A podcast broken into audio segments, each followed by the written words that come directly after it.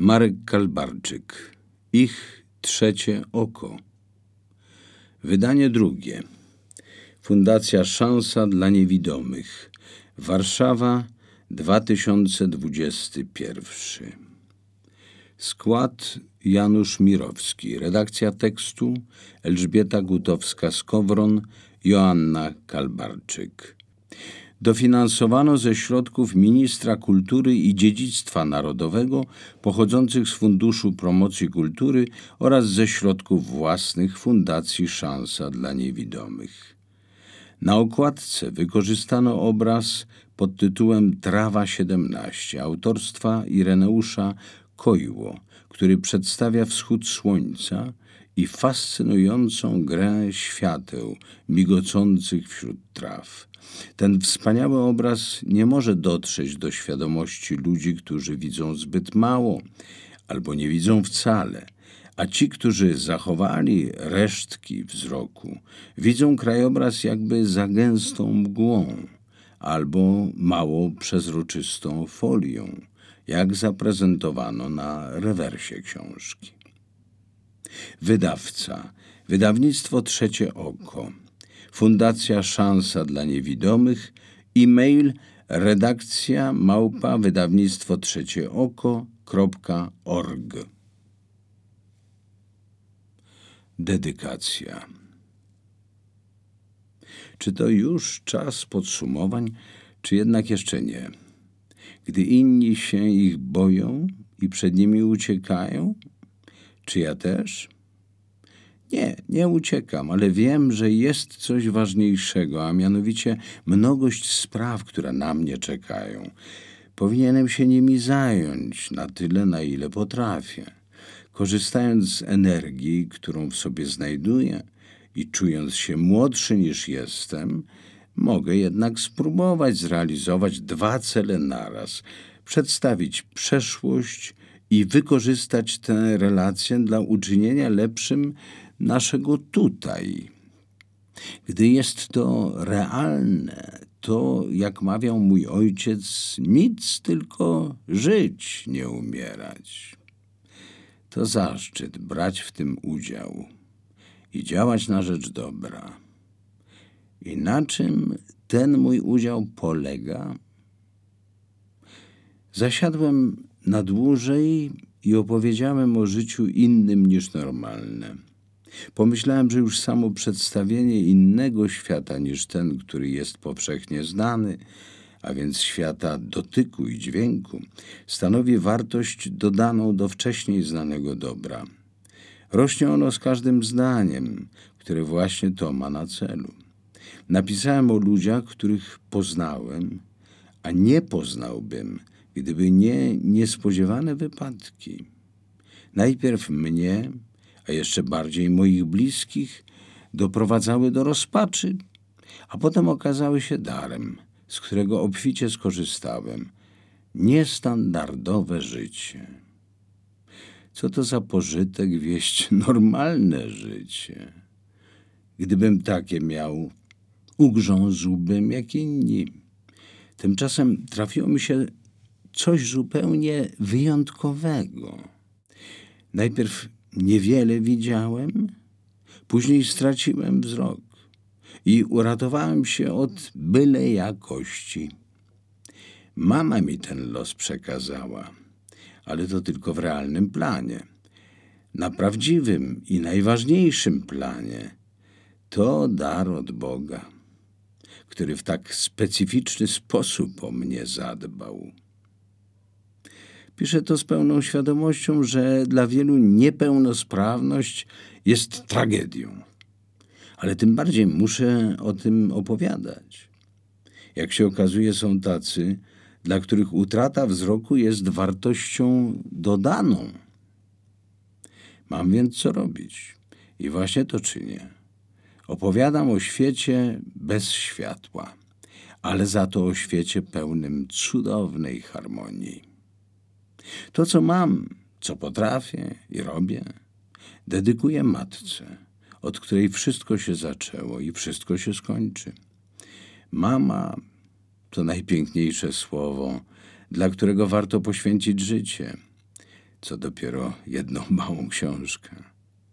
Warto nie tylko dla tej jednej mojej matki, ale dla każdej poprzedniej i następnej. Także matki moich synów, z których tak samo jak z niej mogę być dumny. Żona i matka to dwa nierozerwalne słowa, które budują świat i są obecne od samego początku do końca. Niech Bóg błogosławi, a my kochajmy ile tylko się da. Ich trzecie oko dedykuję zatem mamie, której jestem winien bardzo wiele. Skoro jest dla mnie wszystkim, także ja powinienem u niej na wszystko zasłużyć, a nie otrzymać samego faktu istnienia. Jej miłość rezonuje i zaraża. Obym ja dobrze się spisał i kogoś pięknie zaraził miłością. Chciałbym też uhonorować innych bliskich mi ludzi, dzięki którym jestem, jaki jestem. Cudownego ojca Piotra, wspaniałą teściową Jadwigę Raźniewską, chrzestnych Jadwigę Steć z Zarębów i Jerzego Glinkę, wychowawcę z ośrodka dla niewidomych w podwarszawskich Laskach, Jacka Kwapisza, niewidomych przyjaciół doktora Stanisława Jakubowskiego, doktora Włodzimierza Wysockiego, Sylwestra Peryta, Igora Busłowicza oraz wybitnych ludzi widzących, Annę Lemańską, Martę Zielińską z Lasek, marszałka Zbigniewa Romaszewskiego i wielu innych, których pomocnie i twórczo spotkałem. Specjalne podziękowania kieruję do osób, które w różnym stopniu tutaj przedstawiam. Profesora Witolda Kondrackiego, Janusza Skowrona, Andrzeja Gajowniczka i Wojciecha Maja. Nie, to nie jest ich biografia, a także, mimo że Eryk w pewnym stopniu przypomina mnie, nie jest to także autobiografia. Niektóre sceny są jednak wzięte z naszego życia, a książkowe postacie wykazują istotne do nas podobieństwa. Nie należy się na tym koncentrować. Celem nie było opowiedzenie o życiu moich przyjaciół, lecz o specyficznym świecie, w którym żyją niewidomi i o tym, co doprowadziło do ich odmienności i jak ją przyjęli. To jest opowieść o świecie, w którym się słucha i dotyka, a nie patrzy. Jedni są w stanie go polubić, inni nie.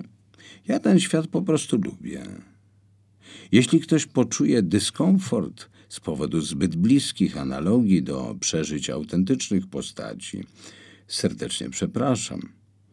Zapewniam, że nie miałem takiego zamiaru. Przeciwnie, włożyłem dużo pracy, by było jasne, że prawdziwa historia była inna, względnie nieco inna. O drugim wydaniu. Książka ożywa pod wpływem spojrzeń zaciekawionych oczu, dotyku trzymających ją dłoni, albo echa będącego reakcją wsłuchujących się w jej treść uszu. Kiedy to zaistnieje, razem z nią i gronem zainteresowanych czytelników raduje się i autor. Wtedy i on ożywa, napełnia się energią i pragnie tworzyć kolejne dzieła, tak jak i ja. Kiedy usłyszałem ich miłe opinie o pierwszym wydaniu, ich trzeciego oka, i dowiedziałem się, ilu czytelników zainteresowało się opowieścią o bliskich mi ludziach, wziąłem do rąk tę książkę i jeszcze raz ją odczytałem. Wziąłem do rąk, oczywiście jedynie w przenośni, kiedy w praktyce u mnie jako niewidomego wygląda to inaczej. Włączyłem komputer i syntezator mowy, uruchomiłem program edycyjny i słuchałem. Miałem tego nie robić, ale kiedy jedna z najbliższych mi osób, wielki autorytet, od której niemal wszystko, co u mnie profesjonalne się zaczęło, powiedziała, że książka jest bardzo dobra, a miejscami świetna. Kolejne osoby postanowiły przedrukować najważniejszy jej rozdział w czasopiśmie Laski, nie mówiąc o uznaniu i wsparciu najbliższych przyjaciół postanowiłem sprawdzić, co właściwie napisałem. Trudne to było spotkanie przecież z moim własnym tekstem. Zapewne podobnie mają inni autorzy. Zaraz jak oni nabrałem obaw, że ten czy inny akapit powinien być napisany z większym rozmachem i wyobraźnią łącząc radość z pochwał, które do mnie docierały, z oczywistym, choć umiarkowanym, osobistym niezadowoleniem wynikającym z odkrywanych autorskich niedoskonałości, postanowiłem jeszcze troszkę dla tej książki popracować. Kiedy Ania Koperska z Fundacji Szansa dla Niewidomych zdobyła środki na wydanie wersji audio, nie mogłem mieć wątpliwości, i doszło do stworzenia drugiej, wzbogaconej wersji. Dwa lata upłynęły od wydania książki. Dużo w tym czasie się wydarzyło. Pandemia COVID-19 i moje przejście tej choroby, lockdown i społeczne wyciszenie dla ograniczenia zasięgu zarazy. Zatem więcej czasu w domu z naszą prywatną codziennością zmiana trybu życia i zrealizowanie celów, które wcześniej musiały czekać. Udało mi się wtedy napisać kolejną książkę. Obrazy, które gdzieś hen uciekły. I zainicjować tak dla nas ważne obchody trzydziestolecia mojej fundacji. W ciągu dwóch lat przecież równie dobrze może nie zmienić się nic, albo zmienić się wszystko. W moim przypadku zmieniło się dużo. Pozyskałem nowych przyjaciół i współpracowników, rozwinęły się wcześniejsze przyjaźnie, a kiedy dodać do tego wydanie bardzo osobistych książek i uzmysłowienie sobie, że najwyższy czas żyć jak najmądrzej, a także uwzględnić treść licznych twórczych rozmów, stało się jasne, co zrobić dla ich trzeciego oka, by powstała jak najciekawsza opowieść. Dopisałem więc kilka istotnych fragmentów, bez których książka wydawała mi się niekompletna. Główny bohater i jego ukochana, także pozostali bohaterowie książki, zasłużyli na pełniejsze przedstawienie.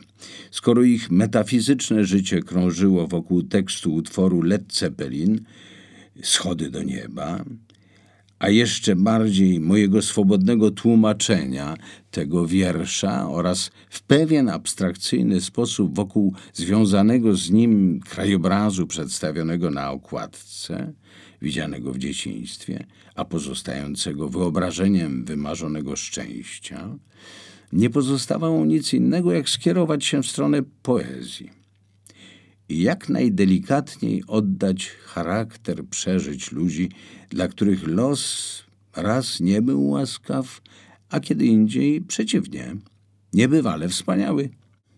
I tak jak się idzie przez życie krok po kroku, schodek, schodek i schodek, aż wymarzone ideały i niebo są blisko, tak rozdział po rozdziale i wiersz po wierszu przedstawiam bohaterów i wydarzenia toczące się obok, aż stanie się jasne, co to jest stracić wzrok, przeżyć załamanie, a potem odzyskać równowagę i cieszyć się z tego, co się ma, a nie martwić się tym, co się utraciło.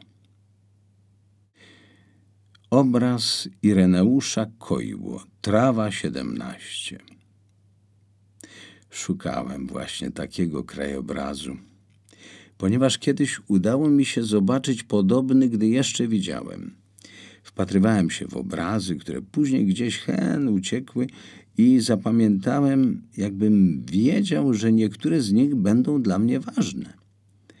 Wielokrotnie je przywoływałem z pamięci, również podobne do tego z okładki, a były wśród nich rozmaite.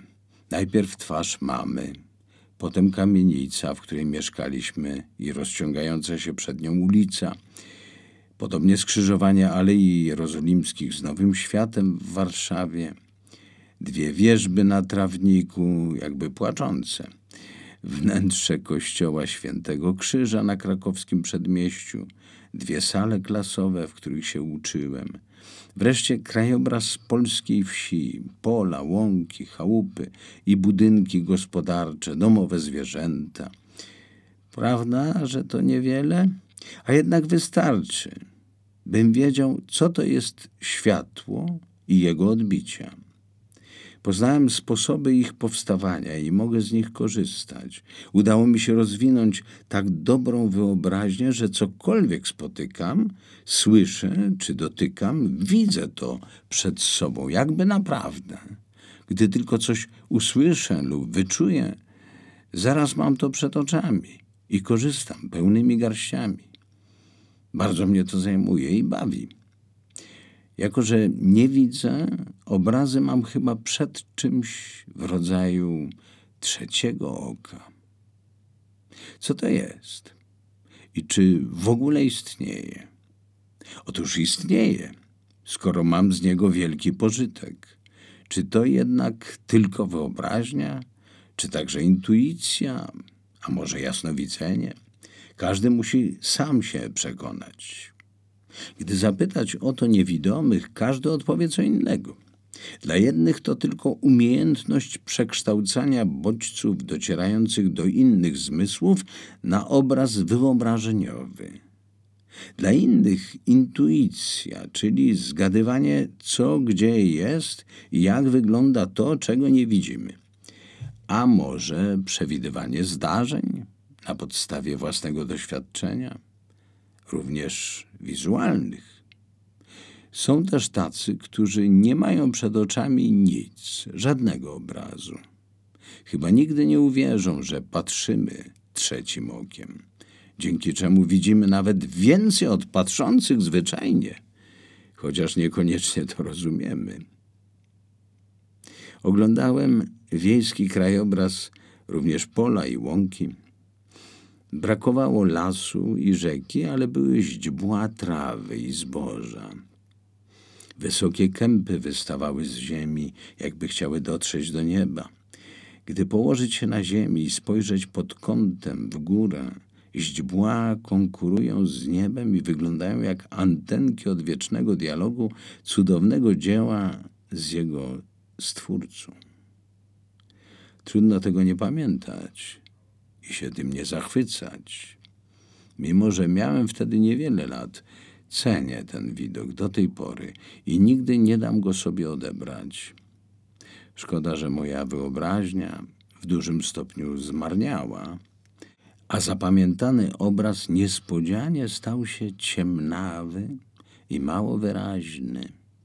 Zdaje się taki jak na tylnej okładce tej książki ich trzecie oko, trawa czy włosy.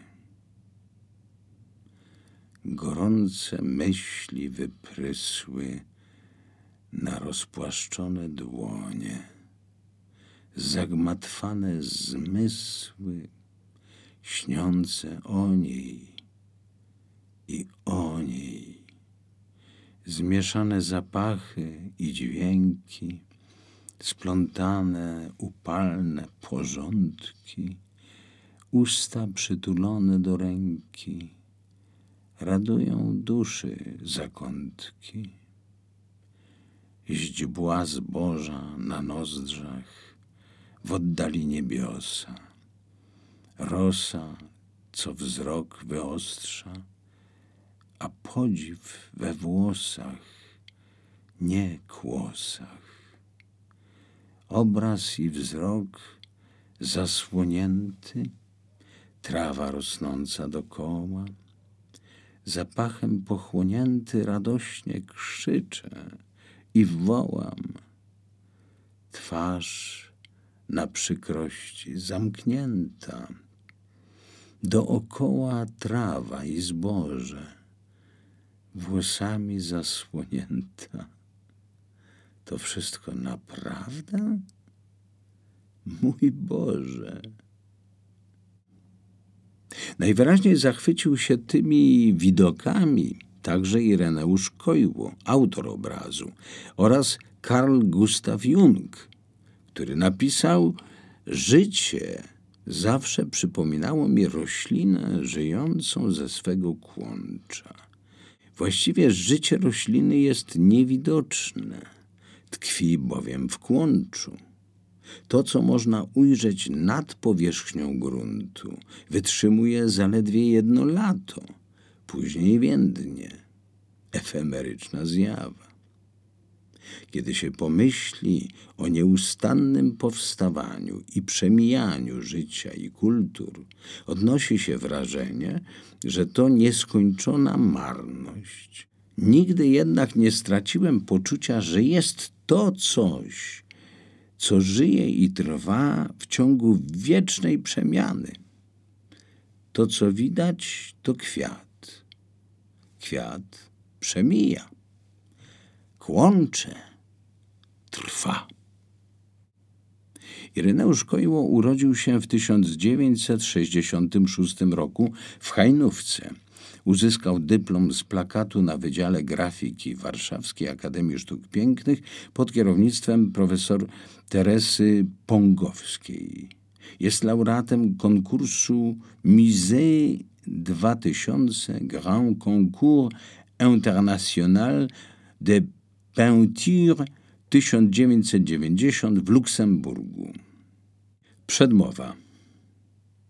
W codziennym życiu większość z nas nie zastanawia się nad tym, co przechodzący z białą laską człowiek czuje, co myśli, w jaki sposób trafia z jednego miejsca do drugiego, co może być dla niego przerażające i czego oczekuje od otoczenia. Owszem, czasami widząc niewidomego zatrzymujemy się, pomagamy mu przejść na drugą stronę ulicy, wymieniamy zdawkowe zdania i tyle. Idziemy dalej, oglądając wystawy sklepów, uliczny ruch i twarze mijanych przechodniów.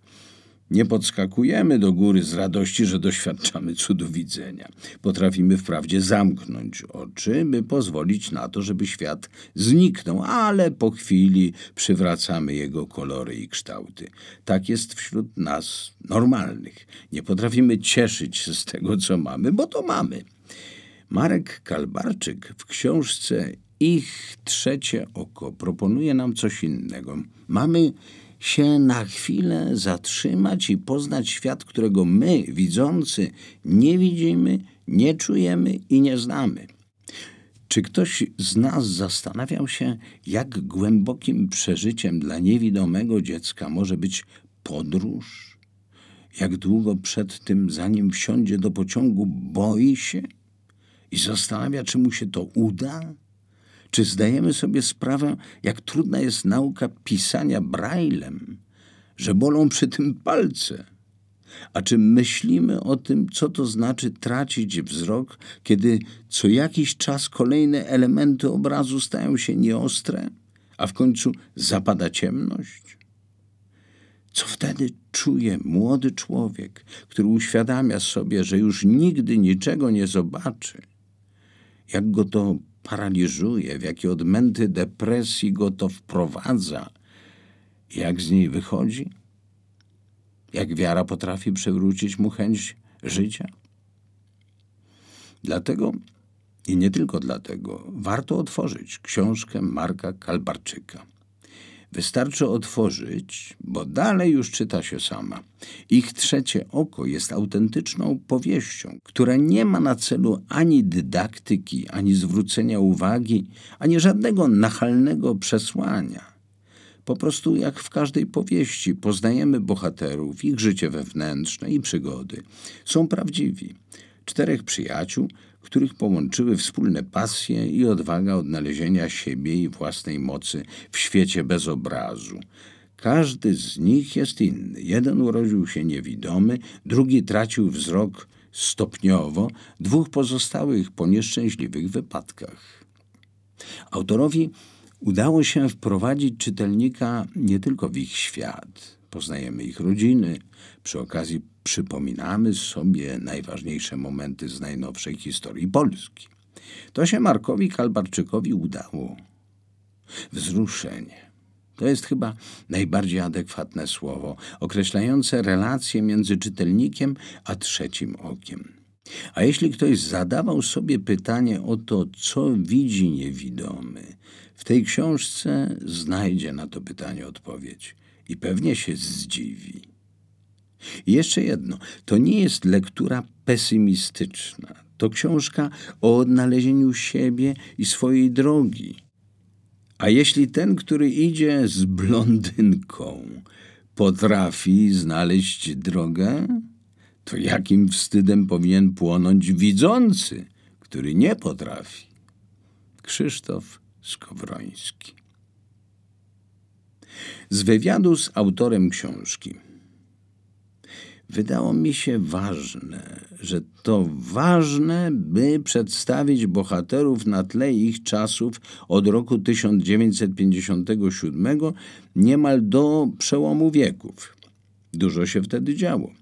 Każdy, kto wtedy żył, wie, że nie mógł się oderwać od bieżących wydarzeń i spraw. Tak samo moi bohaterowie. Sądzę, że gdyby przeżyli co innego, może w innym miejscu byliby zupełnie inni. To, co się dzieje w naszym otoczeniu, kreuje nas. Mamy teraz po około 60 lat. Widzimy, jak kształtowały nas najpierw komuna, a potem wolny rynek. Takie wydarzenia czy zjawiska jak zjednoczenie narodów w proteście przeciw komunistycznym i zaborczym władzom z roku 1956, 1970, tym bardziej z lat 1980 i 1981, albo reformy polityczne i ekonomiczne z lat 1989 i 1990 nie pozostają bez echa w naszych charakterach i życiorysach. Coś w nas dopasowuje się do tego, co przeżywamy i o czym się dowiadujemy. A gdy władze oszukują naród, zaczynamy się im odwzajemniać. Gdy władza się zmienia i w stosunku do zwykłych ludzi emanuje empatią, zbliżamy się do niej fizycznie i mentalnie. Przedstawiam rodziny, w których żyli niewidomi. Jacy oni są? W znacznym stopniu tacy jak ich rodzice, którzy mieli na nich ogromny wpływ. Nic nie jest przypadkowe. W rodzinach chrześcijańskich żyje się według dekalogu, a gdy rodzice są niewierzący, dzieci to powielają. Opowieść zaczynam od dziejów wojennego pokolenia czterech rodzin, które nie dość, że przeżyły ze strony dwóch sąsiadujących z Polską narodów okrucieństwa okupacji, to po klęsce hitlerowskich Niemiec wpadły z deszczu pod rynnę i zapoznawały się z nieludzką twarzą, jakoby wspaniałego marksistowskiego systemu. Gdy już znamy te rodziny, poznajemy losy czworga bohaterów, a na koniec zapoznajemy się z bezpośrednim dialogiem społecznie zaangażowanego i wierzącego Eryka z dosyć obojętnym ateistą Adamem. Czy to przypadek, który z nich jest katolikiem, a który nie? Z pewnością nie. Na Eryka największy wpływ miała matka, a na Adama ojciec. Mama Eryka, Marysia, to osoba zdecydowanie wierząca, w przeciwieństwie do ojca Adama, Henryka.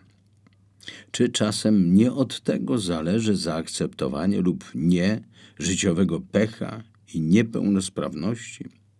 Cztery rodziny i czterech chłopców, spośród których jedni widzieli, a w wyniku różnych wydarzeń stopniowo lub nagle tracili wzrok, a inni nie widzieli nigdy.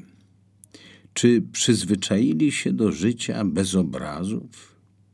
Mówiono, że człowiek ma z góry przypisaną sumę sukcesów i porażek, jakie mogą stać się jego udziałem. Jeśli tak, to utrata wzroku może być dobrodziejstwem, ponieważ wypełnia przewidzianą sumę nieszczęść i już nic złego stać się nie może. Czy jednak tak jest na pewno? O muzyce, poezji i matematyce. Widzieć to w najprostszym ujęciu znaczy patrzeć, aż tyle albo zaledwie tyle. Ważne, by oddzielić patrzenie od innych treści związanych z tym pojęciem. Mówimy, widziałeś, jakie to sprytne? Albo widzisz, jak to jest? Gdy wcale nie chodzi o funkcjonalność wzroku. Widzieć to także odczuwać i słyszeć, wiedzieć, rozumieć, przewidywać i zgadywać, a więc także dobrze słuchać i myśleć. Nie widzieć jest używane poniekąd błędnie, ponieważ widzenie jest o wiele więcej warte niż możliwość patrzenia. W przypadku niewidomych różnica ta nie pozostaje w kręgu słownikowych pojęć, lecz ma konkretne znaczenie. Niewidomi bowiem dużo widzą, a wielu ma znakomitą wyobraźnię gdy przed otwartymi oczami nie mogą mieć rzeczywistego obrazu, przed zamkniętymi mają obraz wyobrażeniowy, stworzony na podstawie wiedzy o tym, co jest dookoła. Nasze obrazy są różne. Jedni kiedyś widzieli i wiedzą, czym są kolory, odcienie, kontrast i perspektywa, a ich wyobrażenia są jak prawdziwe zdjęcia – Inni nigdy nie widzieli i nie wiedzą, co widzą, jednak i przed ich oczami tworzą się jakieś obrazy, tyle że jak dotąd nie bardzo wiadomo jakie. Gdy same obrazy rzeczywiste czy wyobrażeniowe nie mają takiego znaczenia jak dla ludzi widzących, a zawsze powstają na podstawie doznań rejestrowanych przez inne zmysły, głównie słuch i dotyk, Niewidomi rozwijają możliwości tych zmysłów do niespotykanego poziomu. Stąd zapewne ogromne wśród nich zainteresowanie muzyką. Niewidomy, nie grający na niczym, albo co najmniej nie lgnący do muzyki, to rzadkość. Podobnie jest z myśleniem.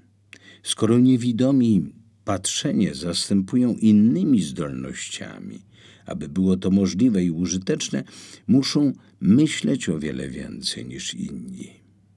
Nawet najprostsze obrazy wyobrażeniowe tworzą się w wyniku nieustannego i mozolnego czuwania, zbierania informacji i intensywnego myślenia. Dzięki temu w zakresie swoich indywidualnych możliwości ludzie niewidzący potrafią wyjątkowo dużo. Wygląda na to, że ci sami, gdyby byli pełnosprawni, potrafiliby mniej. To nie przypadek, że niewidomy chłopiec znał rozkład jazdy wszystkich pociągów w całym kraju, a inny znał na pamięć mnóstwo wierszy. Kolejni, niekoniecznie bardzo zdolni, znają po kilka języków obcych albo z dużą łatwością uczą się grać na kilku instrumentach. Okazuje się, że niewidomi mają większą niż widzący zdolność rozumienia abstrakcji, na przykład matematyki.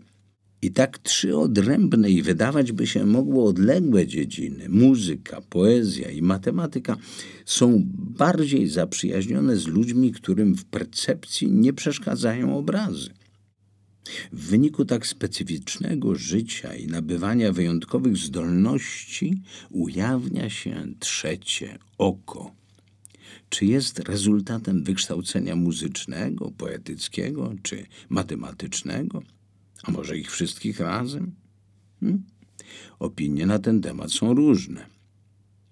A wy, co uważacie? Zamknijcie oczy i sprawdźcie, co to wam daje. Nie, nie, nie przez jedną minutę. Należy wytrzymać z zamkniętymi lub zasłoniętymi oczami o wiele dłużej. Warto.